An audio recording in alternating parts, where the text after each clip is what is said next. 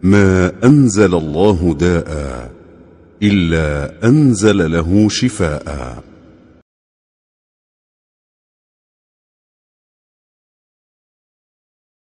Bismillah. Assalamualaikum warahmatullahi wabarakatuh. Jumpa lagi bersama kami SNTV, Sabilo Najah TV.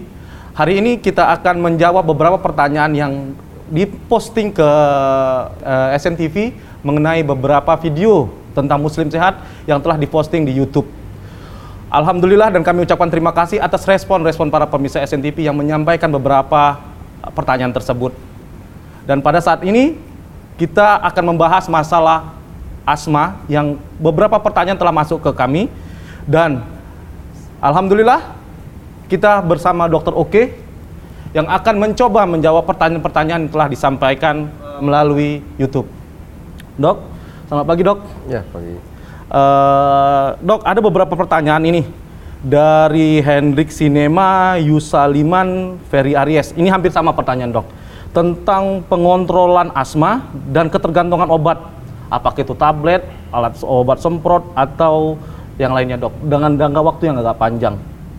Ya. Baik. Bismillah, Alhamdulillah. Wassalatu wassalamu ala rasulillah. Uh, terima kasih atas respon dan pertanyaan dari para pemirsa SNTV ya. Dan hari ini insya Allah kita akan coba membahas satu persatu dari apa yang ditanyakan tersebut. Dimulai dari pertanyaan tentang uh, pengontrolan asma. Ada beberapa pertanyaan yang mirip sebenarnya yang pada intinya menanyakan tentang bila pengobatan asma itu harus dilakukan dalam jangka panjang, eh, bagaimana tentang efek samping maupun dampak ketergantungan yang ditimbulkan dari pengobatan tersebut.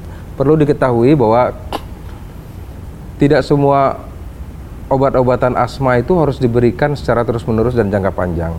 Ya, karena asma sendiri pada prinsipnya dibagi-bagi, ada asma yang intermittent, ada yang persisten, persisten ringan, persisten berat, dan persisten sedang dan persisten berat. Bila asma intermittent, maka obat-obat itu insya Allah tidak usah dikhawatirkan karena obat-obatannya hanya diberikan pada saat ada gejala saja. Bila tidak ada gejala, maka kita tidak usah memberikan obat. Dan ini sifatnya uh, insya Allah tidak ada ketergantungan. nah, lain halnya dengan pengobatan yang harus diberikan tiap hari sebagai controller. Controller bahasa Inggrisnya dalam bahasa Indonesia itu pengontrol. Jadi pada asma persisten itu yang ditandai dengan gejala-gejala yang sering ya, hampir tiap hari ada gejala, kemudian uh, juga sering terbangun malam, kemudian tidak bisa lepas dari obat. Itu berarti dia sudah persisten, maka dia uh, butuh pengontrolan.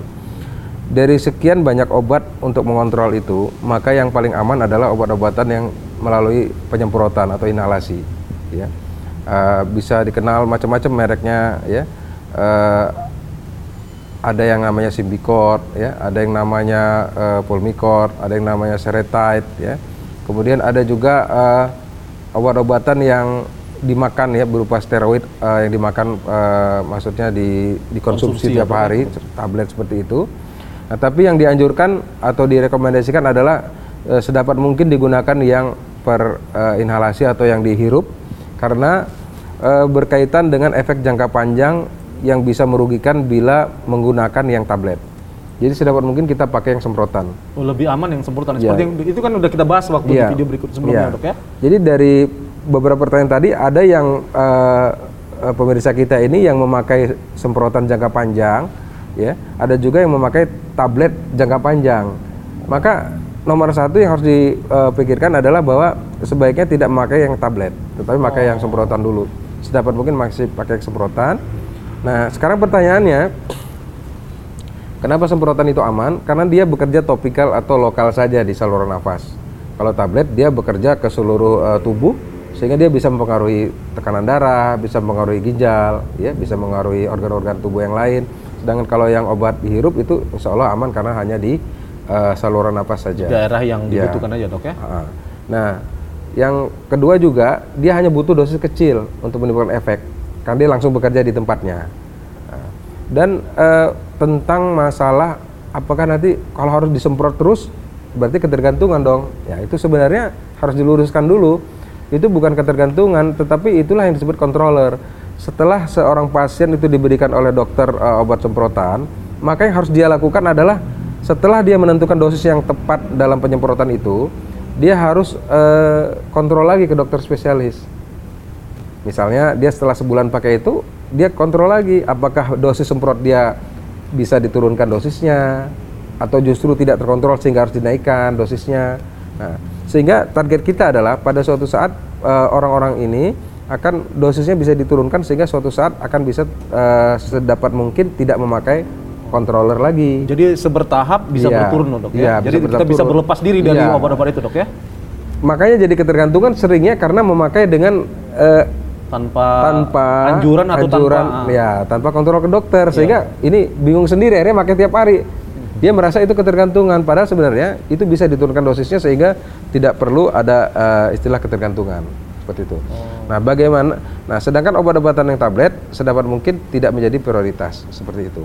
Nah pertanyaan apa lagi tadi? Ada ini dok, yang satu lagi itu tentang ke ketergantungan terhadap obat sudah ya dok ya, mengontrol asma. Kemudian ada yang pertanyaan yang menyatakan Itu tadi i- ah, ada ini dok, ada, ada pertanyaan dari Wahyu Mulia Damariski, kambuhan dengan cara mengatasinya dok. Tiba-tiba. Ya. kadang-kadang sudah hilang, Oh, ya. habis itu tiba-tiba muncul.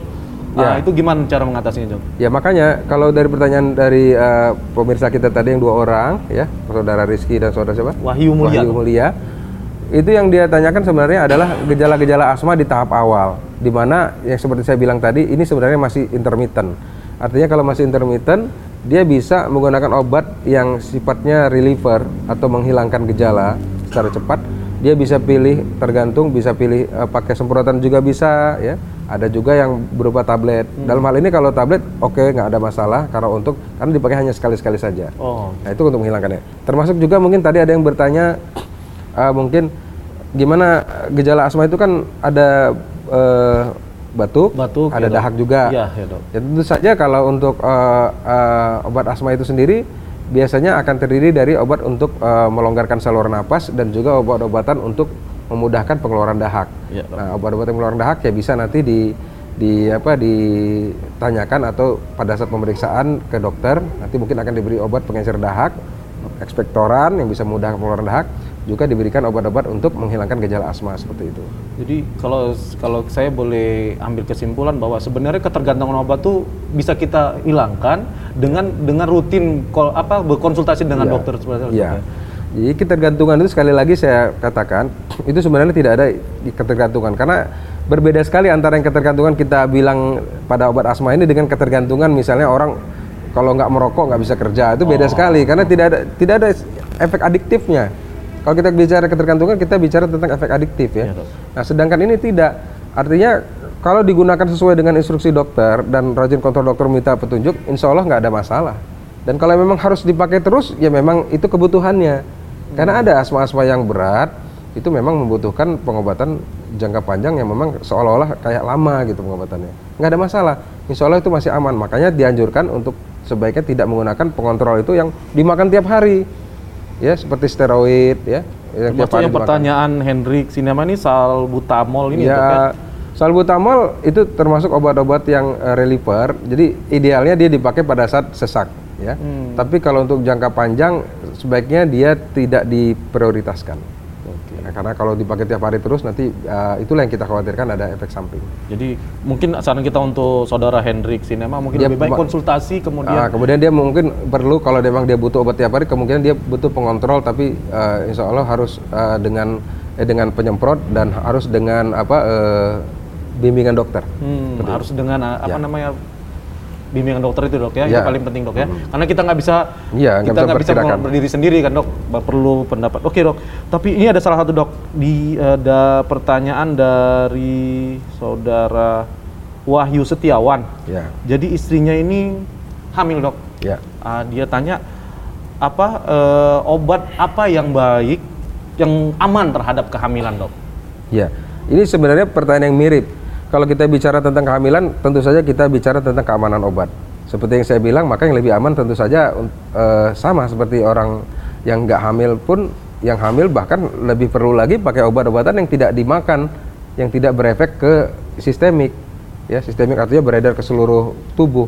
Jadi yang yang di eh, yang diprioritaskan sebaiknya dia memakai obat juga yang semprotan. Oh, yang Kalau untuk ah, ya jadi eh, saran saya buat saudara, saudara Wahyu Setiawan. Istrinya sebaiknya kalau memang pada asma kehamilan memang dianjurkan pakai yang semprotan tapi tidak tidak yang steroid yang uh, oral yang selalu dimakan tiap hari itu saran saya juga teman Ini dok, ada satu pertanyaan dari saudara Ferry Aries. Dia kambuhnya itu setiap malam dok. Apakah memang untuk asma-asma itu ada jadwal-jadwal tertentu, ada waktu- waktu-waktu tertentu dok, yang akan kumbuh kambuh Ya. gitu dok? Ya kalau kita bicara ini pertanyaannya ke arah diagnostik, apakah ini asma?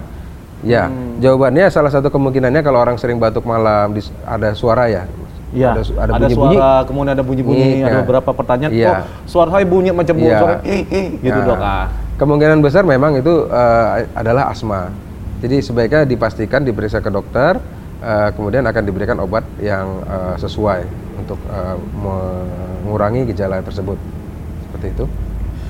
Saya rasa itu aja dok eh, pertanyaan-pertanyaan yang masuk. Terima kasih dok atas penjelasannya. Insya Allah itu akan memberi pencerahan kepada pemirsa SNTV.